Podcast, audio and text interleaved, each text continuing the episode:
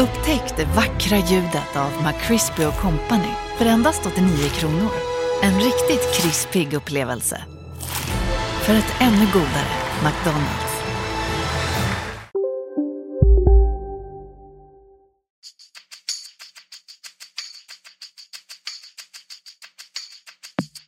Skönt att komma ut och eh, bara lukta gräset. Så det, är, det är fotboll för mig.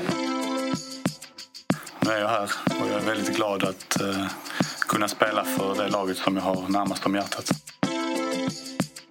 Om å skape tro, om å tro på det vi gjør, jobbe videre. Og vi skal bare ut der, og så skal vi levere. Og det skal vi jo. Basta.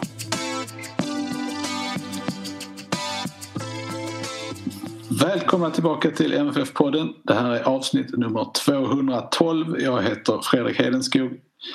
Jag har sällskap av Fredrik Lindstrand och Max Wiman. Hur Hej, står det till? Hej hej! Hej, det står bra till. Ja, vi är i vanlig ordning utspridda. Eh, och kommer väl så att vara under överskådlig tid. Eh, hur, hur har ni det i eh, dessa dagar? Max ser väldigt långhårig ut har jag konstaterat. Eh, nej men det är, det är skönt. Om man ska säga det så rent personligt. Det är skönt att det är bra väder. Man kan vara ute en hel del. Eh, tycker det är en befrielse. Det är tur att inte det här hände i november känns det som. Eh, jobbmässigt så vi kommer ju prata mycket mer om det men det är klart det känns skönt att, att det händer något runt fotbollen och jag tror att många människor mår bra av att, att det faktiskt gör det.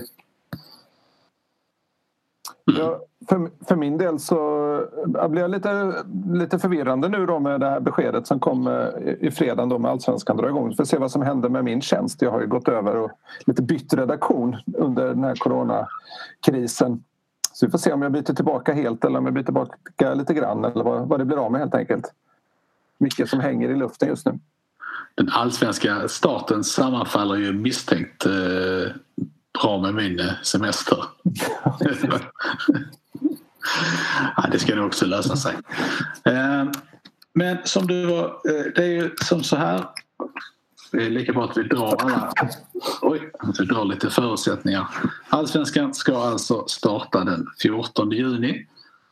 Detsamma gäller superettan. Damallsvenskan ska få börja den 28 juni.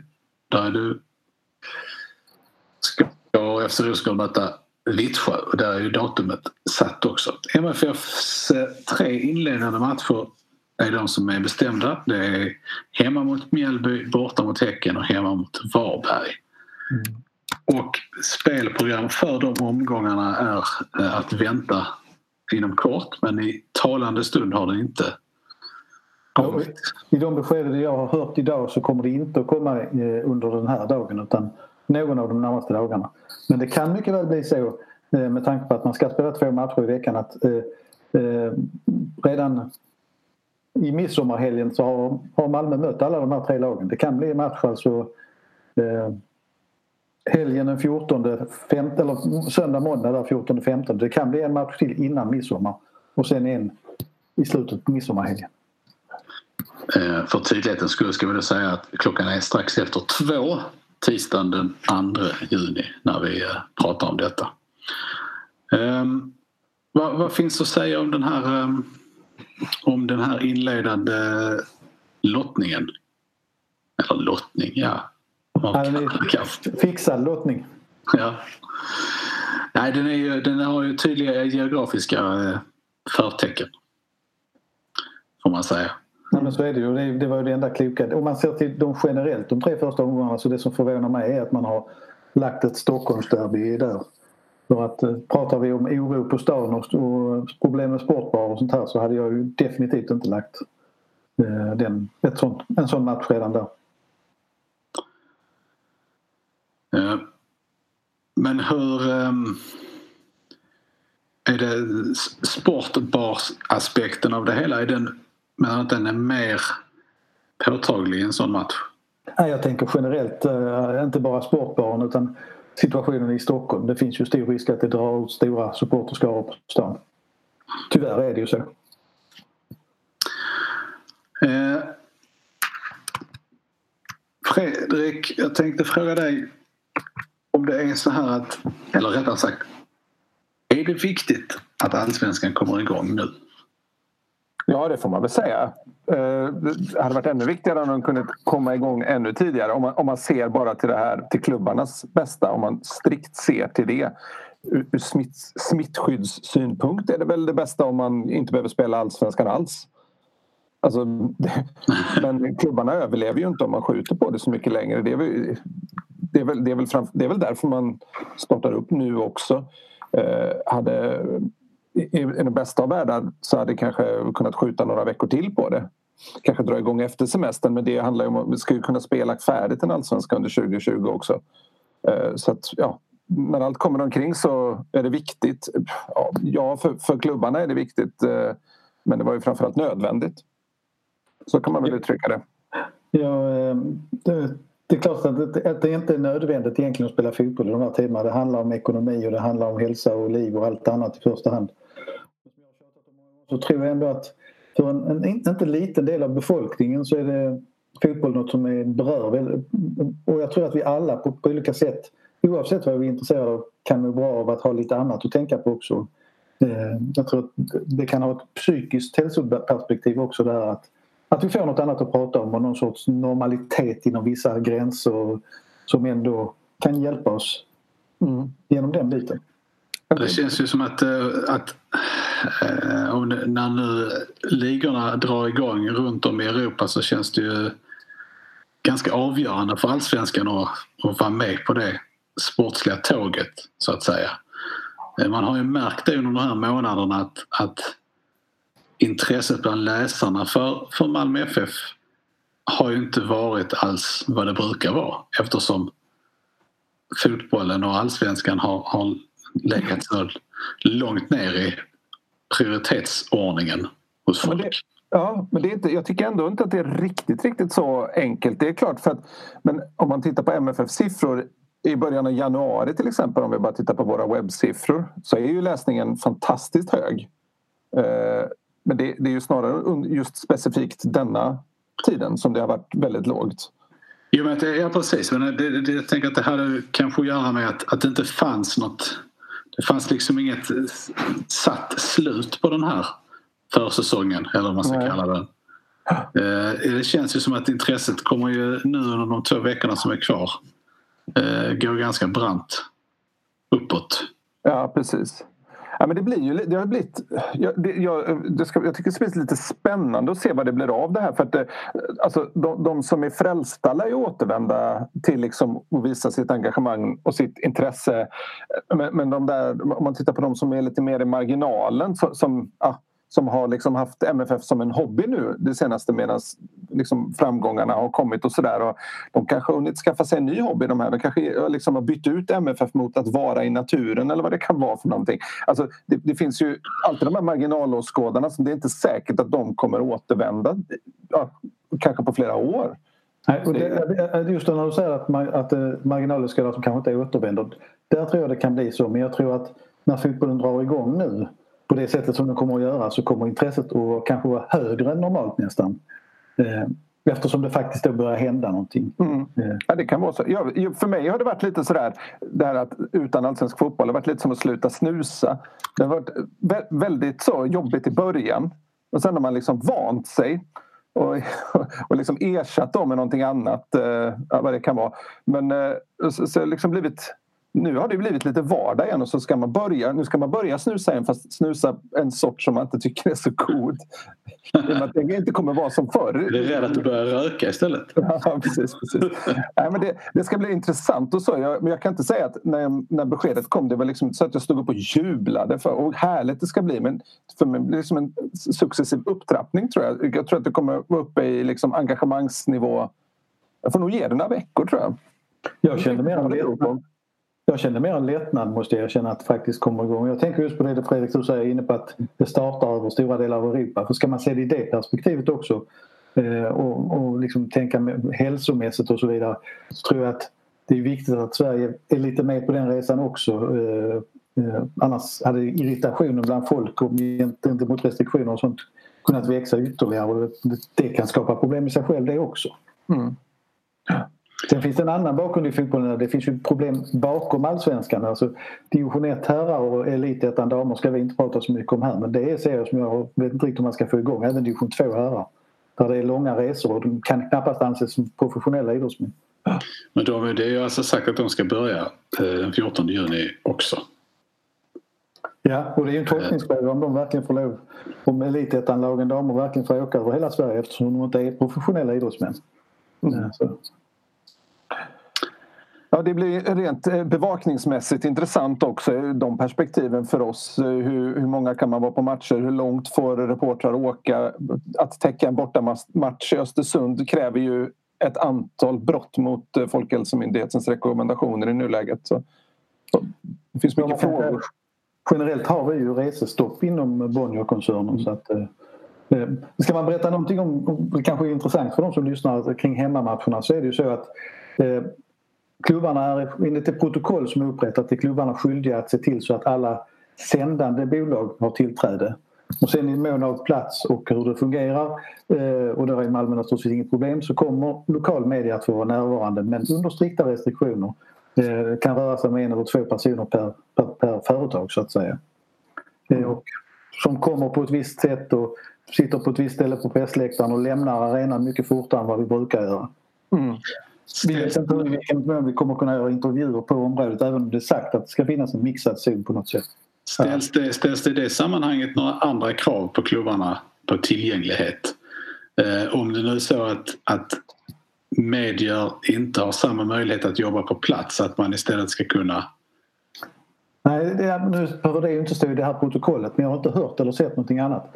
Eh, men jag vet att eh, vad det gäller Malmö FF så har de ju eh, börjat öka tillgängligheten. Både varit, när det har gällt att man har sökt folk på telefon så har det löst sig ganska snabbt. Ja, för det känns ju som det ligger i, i klubbarnas intresse i detta läget att, att liksom dra på här och, och få, liksom, få igång den mediala snurren igen. Det känns ju extremt viktigt för, för klubbarna att inse det och att göra det så enkelt som det bara går för, för, för, för media. För det har ju varit ett ganska stort bevis för det här, att Malmö FF, att, att, liksom intresse, att Malmö FFs roll i stan, tycker jag i alla fall, har varit förvånande liten under de här senaste månaderna. Det blir ju lite så när MFF själva då styr medieflödet. Alltså, det, det, det visar vilket behov av tidningar det, det, finns till att presentera ett spännande material kring Malmö FF. Om man vill ha någonting mer om, om vilka nya produkter som har kommit i shoppen eller när spelarna i laget fyller år eller om man kan rösta på snygga mål från förra året. Det har liksom varit den typen av material som har dominerat de här månaderna där fyller ju media en roll som jag tror är jätte, jätteviktig för supportrarna. Absolut. Det är många som inte... Det är, många, nej, det är många som inte kommer, kommer att följa matcherna på TV heller ska man komma ihåg därför att Dplay är inte en tjänst som är gratis och kanske inte ens en tjänst som alla kan få tillgång till. Även om vissa matcher kommer att gå på eh, halvfria kanaler i alla fall. Eh, vad, vad, ser ni framför er eh, själva matcharrangemangen? Eh, jag om, ni har, om det är så att ni har tittat på matcher nu från Tyskland och Danmark och alltså vad är det för vad är det för känslor det framkallar? Matcher inför tomma läktare. Det jag tycker jag vande mig relativt snabbt. Jag har tittat på en del tyska matcher här. Eh, det är klart att man saknar publiken och allt det här men, eh, man, man kommer in i det på något sätt och accepterar den verkligheten också. Jag, eftersom jag har skrivit en del om vad man har hittat på i Danmark så tycker jag det ska bli spännande att se om svenska klubbar är kreativa och involverar och engagerar supportrarna. För jag tror att det är eh, säkert en del som kanske tycker det är töntigt men jag tror faktiskt det är ganska viktigt för att just hålla intresset vid liv och känna den här gemenskapen. Även om det är på ett annat sätt. Det är klart att det som Mittjylland nu hade 2000 bilar på en drive-in fotboll och ett, ett tifo med bilar. Det är klart att sånt kommer man också komma ihåg och prata om i framtiden. Ja precis. Det, det, är ju, det är en sak ju säkert. Det är ju verkligen inte läge att hålla på och, och gnälla liksom över att det inte får vara folk på läktaren. Det är ju det är bara, det är bara att tugga i sig liksom. Ah, ingenting kommer ju vara som vanligt under en väldigt, väldigt lång tid framöver. Och det som man aldrig skulle kunna tänka sig som supporter för ett halvår sedan kanske man får försöka ta och omfamna nu. Det är väl, det är väl inte så mycket svårare än så egentligen. För det, det handlar ju om att skapa en ny vardag och verklighet här. Eh, när vi nu ändå är inne på supportrarna tänkte jag då kanske vi skulle eh, prata lite grann om det här med eh, MFFs årskort och eventuell kompensation och sådär. Om vi först ska dra det som eh, MFF har erbjudit sina årskortsinnehavare, Max. Nu vill säga, jag tar det lite fritt ur huvudet här men först och främst kommer man att starta ett eh, magasin. Alltså ett webbaserat magasin med Anders Andersson bland annat och eh, Saga Fredriksson från Dagbladet tror jag. Eh, som kommer alltså sända en timme före både hemma och bortamatcher. Och det blir då ett sätt att, eh, vad ska man säga, bli lite närvarande på ett annat sätt än när man beger sig till stadion och dricker öl och käkar korv och, och snackar med andra människor. Eh, så det är ju en del av det hela. Sen är, den andra stora biten är ju att man får välja om man vill ha två månaders fritt Dplay eller om man vill få tre gratis Europa League gruppmatcher i höst. Eh, och det är ju ingen som kan faktiskt säga att det blir gruppspel i höst. Men, eh, så där är en liten chansning om man väljer det alternativet. Men jag också säga att om det inte blir något Europaspel alls i höst så eh, går det vidare till nästa år. Alla har ju också rätt att behålla sina platser till nästa år. Och sen finns det alternativet som MFF har kommunicerat sedan tidigare som innebär att man utifrån när säsongen är över kan summera hur mycket matcher som man har inte fått gå och se och så kan man få kompensation för det. Men man kan inte välja båda alternativen. Så väljer man det som de kallar supporterpaketet nu då kan man inte få kompensation på annat sätt i efterhand. Det är lite andra småbitar i det hela men jag tycker det är de stora dragen så att säga. Så man kan inte både få se webbsändningen med Saga och Anders och få sina pengar tillbaka. Så enkelt är det. Nej, precis. Eh, och vad tycker du om, som konsumentombudsman, ombudsman, eh, Fredrik, om detta? Ja, det, det, jag vet inte, jag har svårt, det, det, känns svårt att sätta sig in i det. Jag har inte lagt ut pengarna själv. Så det är svårt att... Det är ju någonting i alla fall. Eh, jag kan ju tycka att man kanske skulle kunna hitta ett, ett en deal där man i alla fall erbjuder ja, säsongen ut, året ut med Dplay eller något sånt där.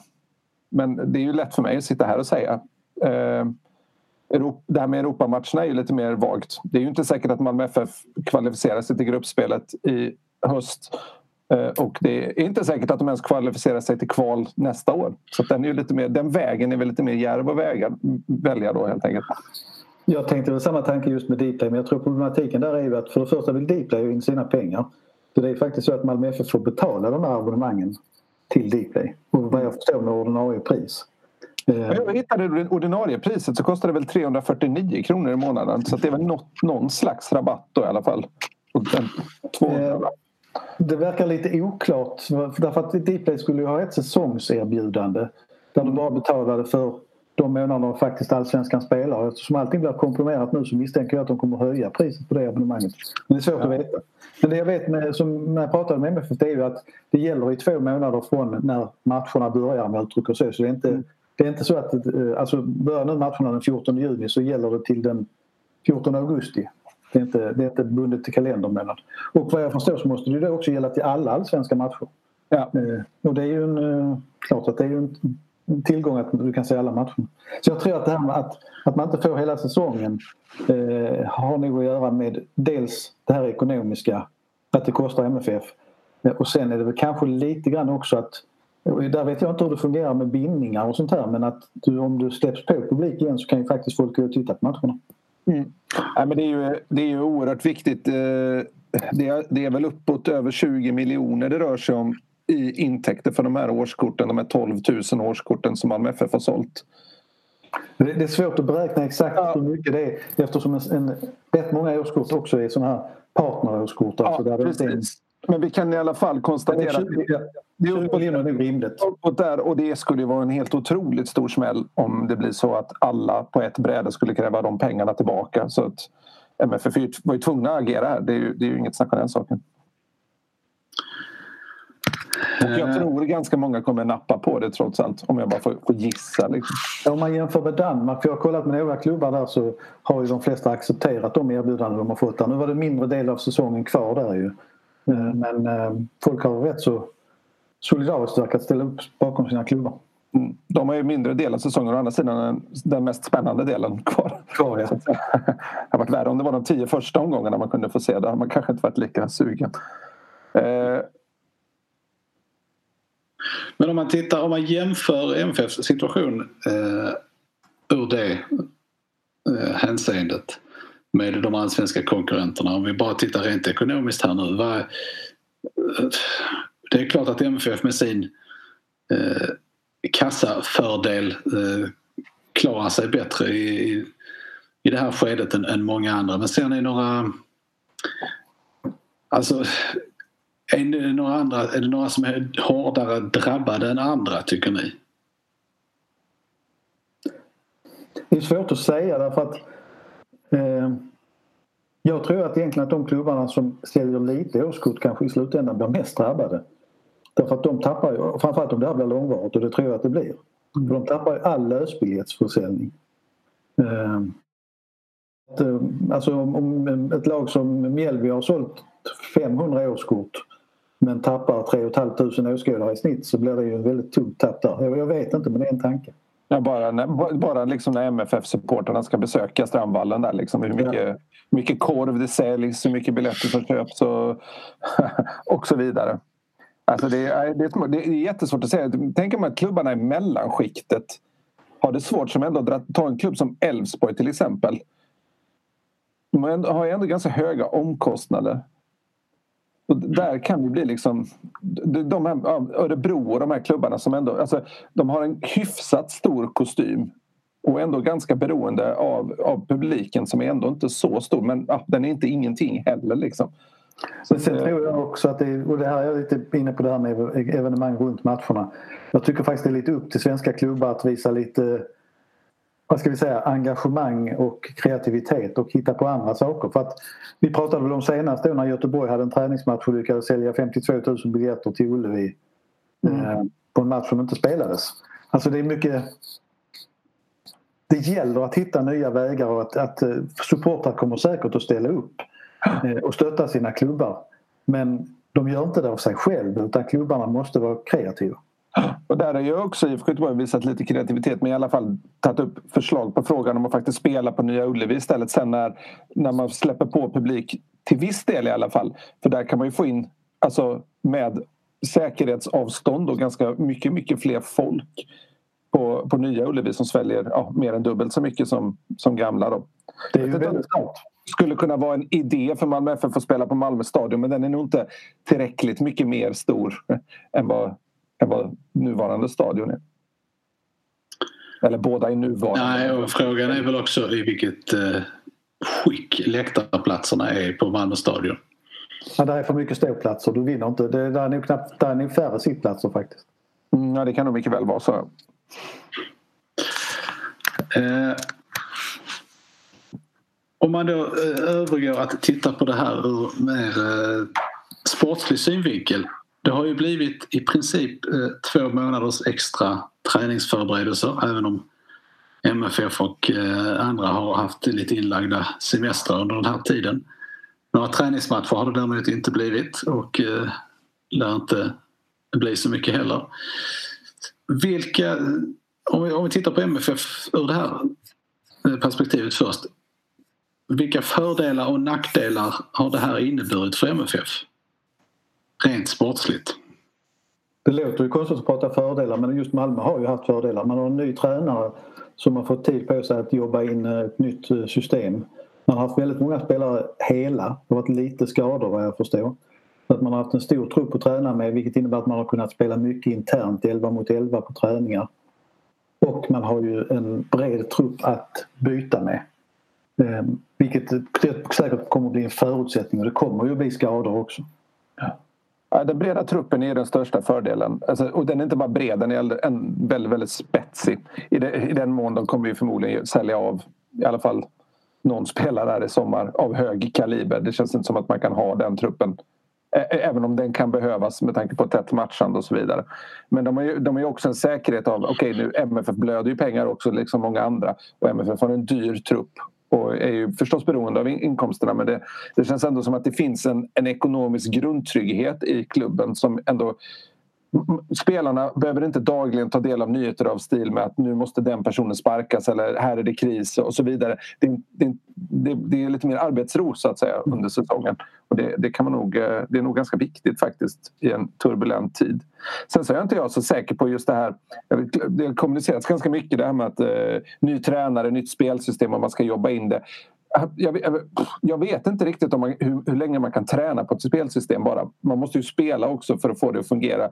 Det, det, det, man kommer till en punkt på träningen där man inte når längre.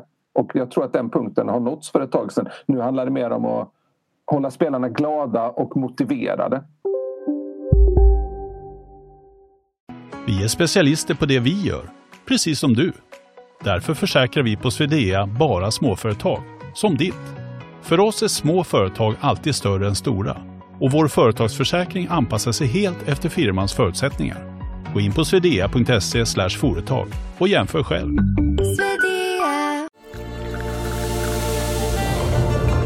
Välkommen till Maccafé på utvalda McDonalds restauranger med Baristakaffe till rimligt pris. Vad sägs om en latte eller cappuccino för bara 35 kronor? Alltid gjorda av våra utbildade baristor.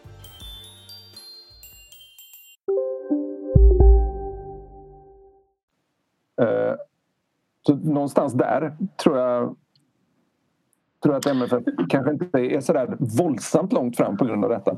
Än, trots allt. Vad gäller, vad gäller humör och motivation kanske det ändå var bra att, eh, att det var en ny tränare.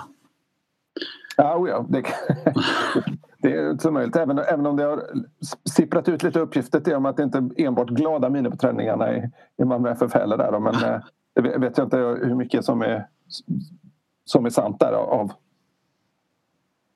Nej, men det är klart att, de, att, att spelarna som alla andra påverkas av en sån situation och går där och nöta på varandra träning efter träning och aldrig få liksom utlopp för den, eh, för den energin någon annanstans.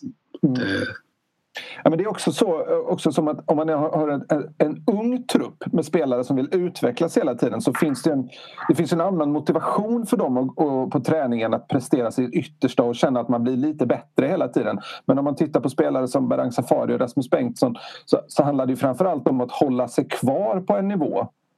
Och det är inte riktigt lika kul att gå till träning med det som främsta mål. Om du förstår vad jag menar där. Det, det är liksom det känns som att en ung spelare är lättare att motivera i, i det här och MFF har ju faktiskt en ganska ålderstigen trupp. Så det, nu är man ju ute och, det här är ju liksom bara spekulationer liksom, men det, det skulle ju eventuellt kunna påverka i, i någon utsträckning. Jag vill egentligen tänka på två saker där. Fredrik, du har helt rätt att eh, det är nog bra med en ny tränare framförallt med tanke på ändå den bakgrunden alltså att, att ha Ove Rössler under den här perioden utan matcher tror jag hade varit väldigt jobbigt faktiskt. Eftersom han är så extremt tävlingsinriktad. Ehm, Sen det här som hände med Rasmus Bengtsson, jag vet ingenting om det överhuvudtaget.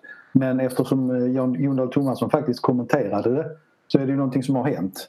Men samtidigt så har jag också sett spelare ryka ihop på träning. Jag har sett Lasse Nilsson och Rasmus Bengtsson i fjol eh, nästan inte prata, eller de var väldigt, väldigt arga på varandra och nästan slogs med varandra på träning. Det är ju sånt som händer ibland. Och sen när de gick ut så, så var det fortfarande väldigt ansträngt. Det som var anmärkningsvärt var väl nu om Rasmus åkte hem och det var, hängde i lite grann där. Men mm. jag tror inte man ska vara för stora växlar på det och kanske man har nött ännu mer på varandra som ni säger nu. Ja, men precis. Det det är ju liksom, där får ju någonstans framgången skriva historien. Om MFF vinner guld 2020, så är det alltid, eller, eller vilket år som helst, det har varit bråkigt på träningar. Och så, då, då är det liksom när dokument, det stora gulddokumentet ska skrivas. Då är det alltid så här, ja, det var bråkigheten på träningen som drev det här laget framåt. De fick, så fick det att lyfta och sporrade spelarna att bli ännu bättre. Men, men kommer laget bara trea så är det, ja, det är de här, den här bråkigheten på träningen. Det har liksom splittrat laget Det har fått att de inte kan prestera. Alltså det, ofta, ofta, så tenderar det där till att, att i efterhand sätta sig i ett helt annat ljus än vad, än vad det är. Så, men, men, generellt sett så tror jag att de två spelare ryker ihop på träningen betyder extremt lite. Eh, det tyder väl bara på att det är vinnarskallar i omlopp. Liksom. Eh, men det är ju såklart en tacksam vinkel på en artikel förstås och det är inget fel i den, den stämmer ju. Sen så är det ju vilka växlar man drar på det. Däremot så, så just ett uppehåll, så här, det är lite ovant för Malmö FF. Inget lag har ju haft mindre uppehåll de senaste åren än Malmö FF. Känns ju som att de har blivit bättre av vårt matchande och, och vuxit av det. Kanske blivit slitna i perioder men, men kommit ut på andra sidan som ett i, i, i mycket bättre lag i alla fall. Ja, tittar man på spelprogrammet så är det ju rätt på sitt sätt. Det kan se på pappret den ser ut som en enkel start men det kan bli ganska tufft att möta två nykomlingar direkt i början. Mm. Och Häcken borta är alltid svårt. Så att, uh, det är väldigt ja, men... svårt. Jag, jag tror vi får se en allsvenska där väldigt lite kommer att vara normalt. Vi kommer att se många skrällar, många överraskningar, oväntade resultat, oväntade vändningar. Det, det, det kommer att vara ett helt annat år än vanligt. Precis. Men där kommer man in på en, på en annan aspekt det där med, med ny, nykomling versus storlag och så vidare. Malmö FF har ju ofta haft en matchplan att gå ut väldigt, väldigt hårt, sätta press på motståndarna och jag ser inte något sätt att den skulle ändras under Jon Dahl Tomasson. Eh, snarare intensifierats och i detta så har ju i alla fall på hemmaplan publiken har ju verkligen ingen liten roll i det där utan det, eh, den ska ju lyfta MFF. Och det, här, det, det kommer att bli en jätteintressant aspekt som, som måste beräknas i sportsliga parametrar också det här med att det inte är någon publik på läktarna. Eh, så om man ska liksom räkna ut eh, det, det överlägset bästa laget eh, som borde egentligen vara allsvensk favorit om man ser liksom trupp i förhållande till publiksiffror hemma är ju Häcken. Det här är ju deras stora chans. Liksom. De, de, de är, inga är ju, inget lag är ju så bra på att spela inför lite publik som de. De är det publiklaget som vad ska man säga, det är låga publiklaget som har lyckats bäst. Dessutom så finns det den här aspekten med domarna också som, som eh, Häcken, som Andreas Alm då, tränaren har varit inne ganska ofta på då att de här, när de möter Malmö FF och Djurgården, och AIK och Hammarby så, så missgynnas eh, Häcken på grund av publiktrycket på stadion, på Tele2 på Friends och så vidare. Han har ju, det har han ju pratat mycket om. Det, finns, och det, det kommer ju bli en aspekt av att eh, det, det är ju en annan sak att döma på stadion om du inte har en ståplats som, som liksom, vad ska vi säga inom citationstecken, granskar ditt beslut. Eh, och agerar lite in, liksom, omedelbar domstol där. Det, den aspekten kan bli ganska intressant att se. Uh, och jag, jag, kollade lite, jag har sett att det skrivits uh, lite på Twitter om det också. Uh, hur hemmalagen har tappat poängmässigt eh, i Bundesliga. Så jag har räknat lite på det. Det har, spelat, eh, det har spelats 36 matcher i Bundesliga sedan de startade om här i mitten av maj. Eh, och 22 procent har vunnits av hemmalaget. Alltså det var femte match bara som hemmalaget lyckas vinna. Och innan uppehållet så var snittet 43,3, alltså innan coronapandemin. Det är en ganska ordentlig sänkning och jag vet att det statistiska underlaget är ju alldeles för litet för att kunna göra en jättestor eh, eh liksom dra några jättestora växlar men det, det är ändå ganska, det är intressant ändå. Du, jag tycker du har en poäng där med, med Häcken just alltså. Därför att ur många andra aspekter som vi säger Malmö ska åka till om Malmö får åka till Stockholm och spela utan publik så gör det ju de matcherna mycket lättare. Mm. Eh, så det, det, är lite ge och ta där så att säga. Och samma med Göteborg. Alltså Tele2, Tele2 Arena utan publik. Det, kommer, det kommer bli stämning utan dess like. Alltså. Ropen bara studsar mellan väggarna.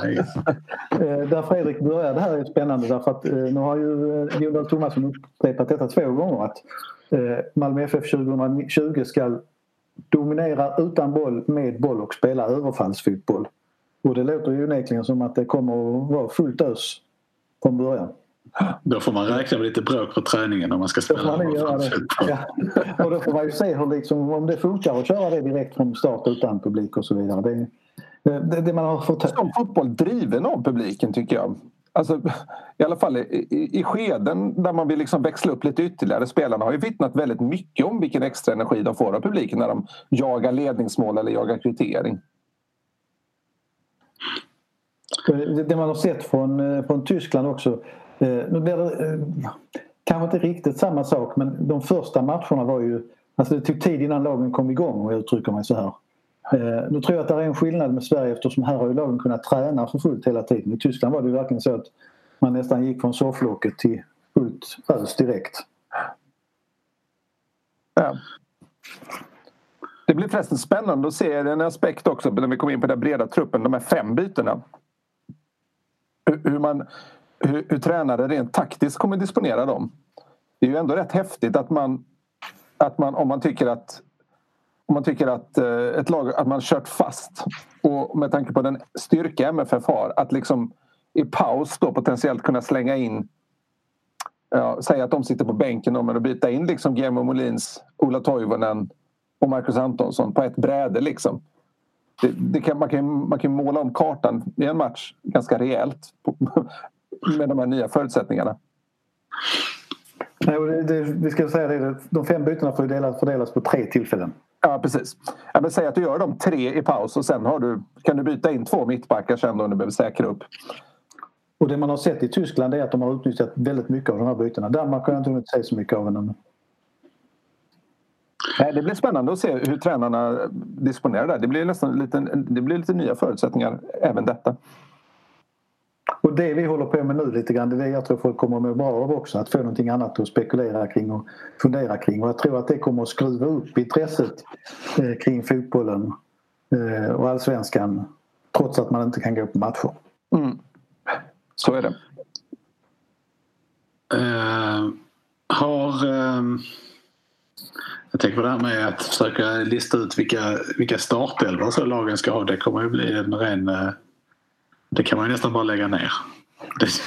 Ja, där ska vi säga till lyssnarna att normalt sett kan vi ju se väldigt många MFF-träningar även om man inte ser den dagen innan match så ser man ju mönster tidigare och vi har rätt så ofta kunnat vara ligga nära med hur vi tror laget ska ställa upp. Nu vet vi ju väldigt lite eftersom vi har fått se två hela och en halv träning eh, på två månader. Eh, och då med dessutom en ny tränare som kanske har eh, hittat nya lösningar. Mm. Det är ju eh, också så att det är ett transferfönster som är öppet just nu. Eh, det här eh, Fifa-sanktionerade extra transferfönstret som gäller från 31 maj till 13 juni. Och eftersom det har pratats väldigt mycket om Ola Toivonen så tänker jag att fråga om ni tror att, att det blir redan nu eller kommer du att vänta till, till det nästa ordinarie fönstret? Jag tror att övergången eh, blir nu.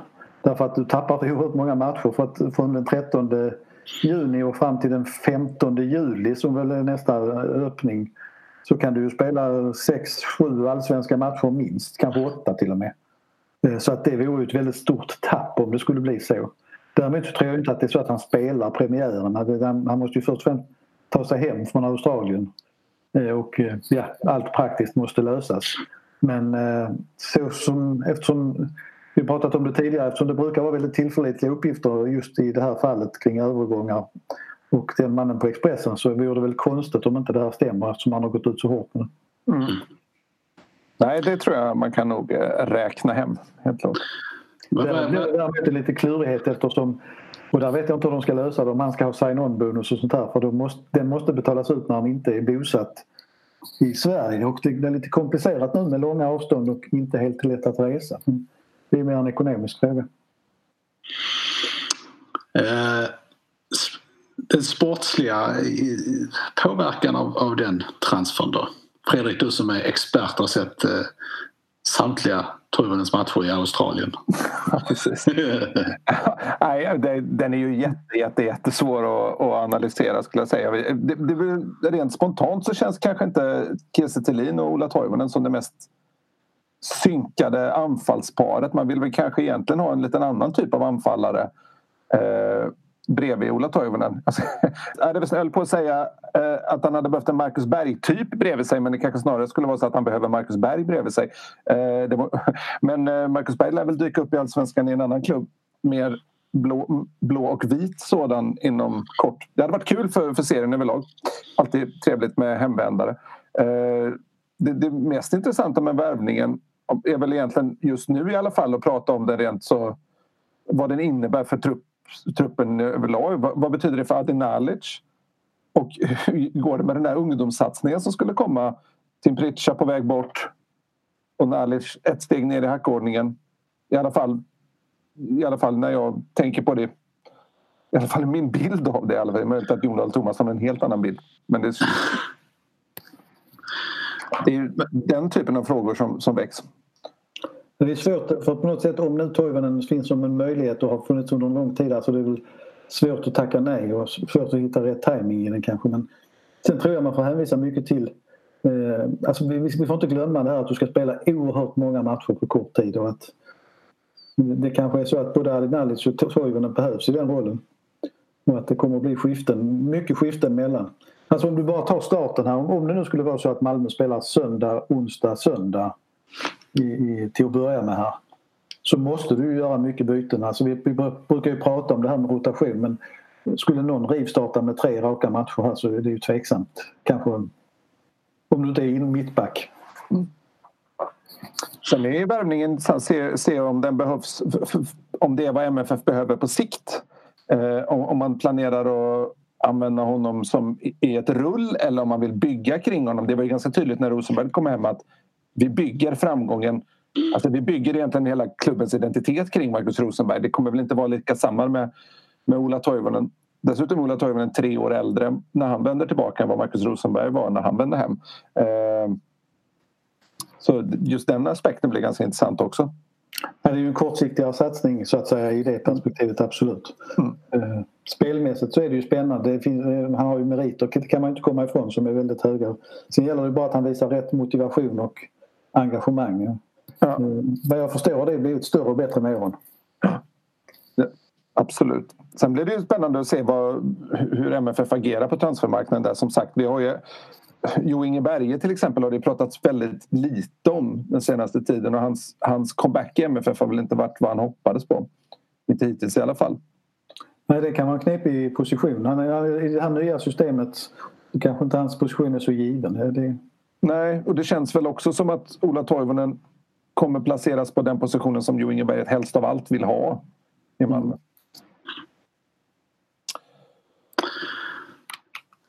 Eh, hur ser det ut i... Vilka, vilka namn är det som i övrigt har, har förekommit i diskussionerna här kring under våren? Det känns väl som det är Göteborg det hör sig mest om. Va? Det är, Fredrik har väl bäst koll. Menar ni, eller menar du Malmö? Ja, jag menar både och egentligen. Det var en väldigt öppen fråga. Vilka namn? ja, alltså... Silly season. Ja, jag har nästan, jag nästan, helt, jag har nästan helt tappat det. Men vilka... Ja. Nej men det är ju det som är problemet för mig också. Jag har, jag har sällan haft... Jag har haft allsvenskan har legat så långt bak i, över saker som jag har haft att tänka på så att jag har inte riktigt hängt med i, Nej, i sammanhanget. Hängt med i det perspektivet. Jakob Johansson är väl den största, jag skulle nästan hålla som den främsta allsvenska värvningen hittills. Han var, gjorde ju trots allt målet mot Italien som sköt Sverige till VM där. Och sen så skriver Ola Toivonen på för Malmö FF så är det också stort med Jakob Johansson. Han kanske har kanske större potential än vad Ola Toivonen har. Om man ser. Sen har vi pratat om Bjärsmyr och Berg till Göteborg. Ja, Bjärsmyr är väl ingen direkt förstärkning egentligen skulle jag säga. Han var ju inte speciellt bra när han spelade den senaste vevan. Sen kan han kanske lyfta av en bättre omgivning och så här Blåvitt är en stabilare klubb än vad nu var de var då. Men får de med Marcus Berg så är det ju en, det är ju en kanonvärvning. Sen så tycker jag fortfarande att Hammarby har värvat eh, överlag bra. Ja, de, kanske får hem en, eh, de kanske får hem en eh, lång anfallare. Eh, kommer inte ihåg vad han heter nu. Han har spelat i Italien tydligen och även i USA och England och Frankrike och Spanien och sådär. Han kanske kommer i höst. Ja, det, är, det, är klart att det surret kommer att påverka och prägla starten här naturligtvis också. Mm. Time will, time will tell. Ja. ja. Tät, tät matchning eh, på konstgräs. Det låter precis som någonting för honom. Match var tredje dag. exakt, exakt. Ehm, men hörni, eh, jag eh, tänker så att vi ska återkomma en gång till här innan allsvenskan börjar. Nu när vi... Ska, vi, ska du avslöja vad prata om? Men just det, ja det kanske jag gör då. Ja, det hoppas vi skulle slippa det. Ja, vi får se. Vi får se. Det, är lite, det är lite oklart. Du har redan sagt att Häcken ligger i vinnarhålet. Så. Ja, vi hann aldrig lämna in några tips va? Nej, vi hann aldrig komma så långt. Precis, precis. Vilket var tur för oss. En av de positiva aspekterna med coronan är att ni slipper ja. att höra på våra snedsteg. Tipsmässiga ja. snedsteg. Jag har, har en spaning som jag Ja precis, jag tänkte säga, har ni några fria tankar nu när ni har chansen? Jag har ju som väldigt många andra sportälskare suttit och eh, eh, fullständigt förlorat mig i den här Netflix, eh, jag vet inte om man ska säga dokumentären, men Netflix-serien The Last Dance som handlar om ja, Chicago Bulls i allmänhet och Michael Jordan i synnerhet egentligen. Och eh, Scottie Pippen som var hans vad ska man säga, vapendragare under de här åren då eh, har ju, han framställs ju kanske inte så positivt som han hade hoppats på. Det har varit lite kritik om det där. Eh, men det är en ganska fascinerande karriär, Scottie Pippen i alla fall. Alltså, man skulle väl kunna säga att han var under den här perioden världens näst bästa spelare. Och han hade väl förmodligen varit världens bästa om, om nu inte var, vore för Michael Jordan. Och det är sällan en andra man har fått så Alltså han har verkligen hamnat i skuggan. En så pass bra basketspelare har hamnat i skuggan. Eh, det är ganska det är ganska intressant. Så att jag tänkte på vad det Det finns ju ändå motsvarande i allsvenskan liksom, som har fått sina karriärer överskuggade av en större stjärna. Då, den här större, eh, så hittade jag, kom jag på det mest lysande exemplet i Malmö FF. Så jag, jag tänkte att jag skulle testa resonemanget i alla fall. Eh, är Staffan Tapper allsvenskans eh, fått, fått liksom fullständigt, alltså det är en landslagsman, spelat VM, varit tongivande i MFF, lett laget ut till eh, en Europacupfinal men ändå alltid i skuggan av, av Bosse Larsson på något sätt. Och eh, på inget sätt, eh, Scottie Pippen hade nog kanske lite mer problem med att vara i skuggan än vad Staffan Tapper var. För Staffan Tapper har ju lite delvis satt sig själv i den här skuggan. Han, han lyfter ju ofta fram Bosse och skriver böcker om honom och pratar gärna om honom. Pratar gärna mer om Bosse än, än om sig själv, det är ju nästan bilden.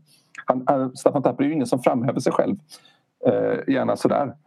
Eh, och sen så, jag försökte liksom hitta lite paralleller, vissa kan kännas krystade. Tapper spelade skadad i Europacupfinalen 79. Pippen spelade skadad i slutspelet 1997. Sen har vi Tappers sån här, eh, det här lite mörkare eh, eller mörkare, den här tunga delen, den här straffmissen då i VM 74.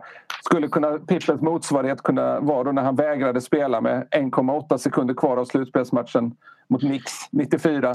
Eller, eller möjligtvis semifinal, game 7 i semifinalen mot Pistons eh, 1990. Då. Man spelade med migrän, vilket inte funkade alls och eh, Bulls förlorade den matchen. Vilket Michael Jordan fortfarande verkar synnerligen bitter över. ja, jag vet inte vad ni är för den, eh, för den spaningen. Jag köper det. Jag är mest nyfiken vem, vem du anser var Dennis Rodman i det MFF-laget. kan det vara, var, det med, ja, Micke Rönnberg var lite senare. Annars ja, det var ju 80. Ja. ja. Han, han hade ingen sån på 70-talet kan jag säga. Det var inga... Nej, inte Christer. Fast Christer Kristian är inte, han är inte så flärdfull rent så att han kommer sminkad till match direkt. Men Nej, och alltså, Christer Kristiansson var ju extremt lojal. Det kan man ju inte anklaga Rodman för. Nej, precis, precis.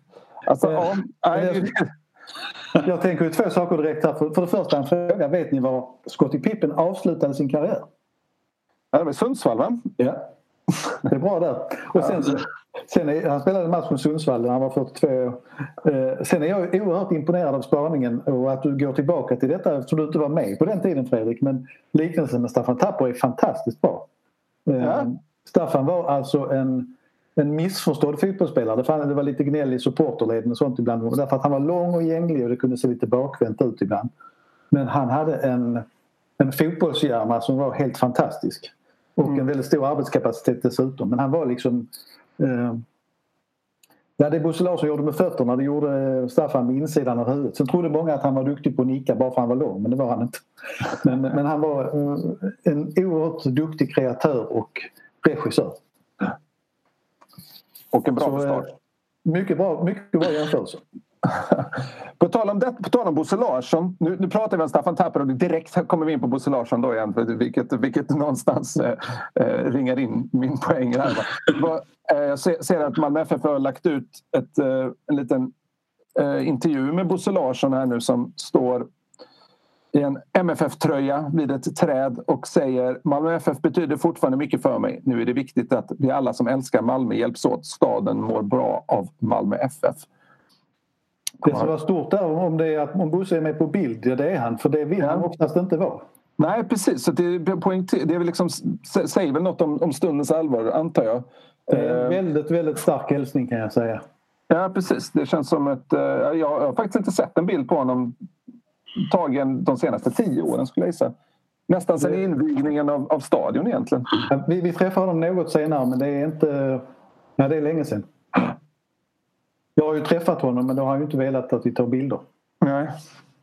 Han är sig lik. Han är sig lik. Väldigt mycket och det är hemma vid där han bor. Bilden är Ja. tagen. Ja, och det är snedbenan är, är kvar. Jajamensan. ja, det var faktiskt starkt måste jag säga. Jag säger det. Han kommer inom kort och meddelar att han har köpt andelar i eh, Hammarby också. Inte Bosse Larsson. Det är en lojal man det kan jag säga. En lojal. Jag hade skruvat upp den allsvenska tempen. Eh, så är det. Hörrni, vi, eh, vi eh, återkommer innan allsvenskan drar igång va? Gör vi inte det? Det gör vi. Då får ni eh, ha det fortsatt bra både eh, ni och alla som lyssnar är ute i er sociala distansering. Det här har varit avsnitt nummer 212 av MFF-podden. Jag heter Fredrik Hedenskog. Jag har sällskap av Fredrik Lindstrand och Max Wiman. Och ansvarig utgivare för första gången i detta sammanhang är Jonas Kanje. Tack för oss. Jonas. Tack, tack. Hej, hej. Hej, hej.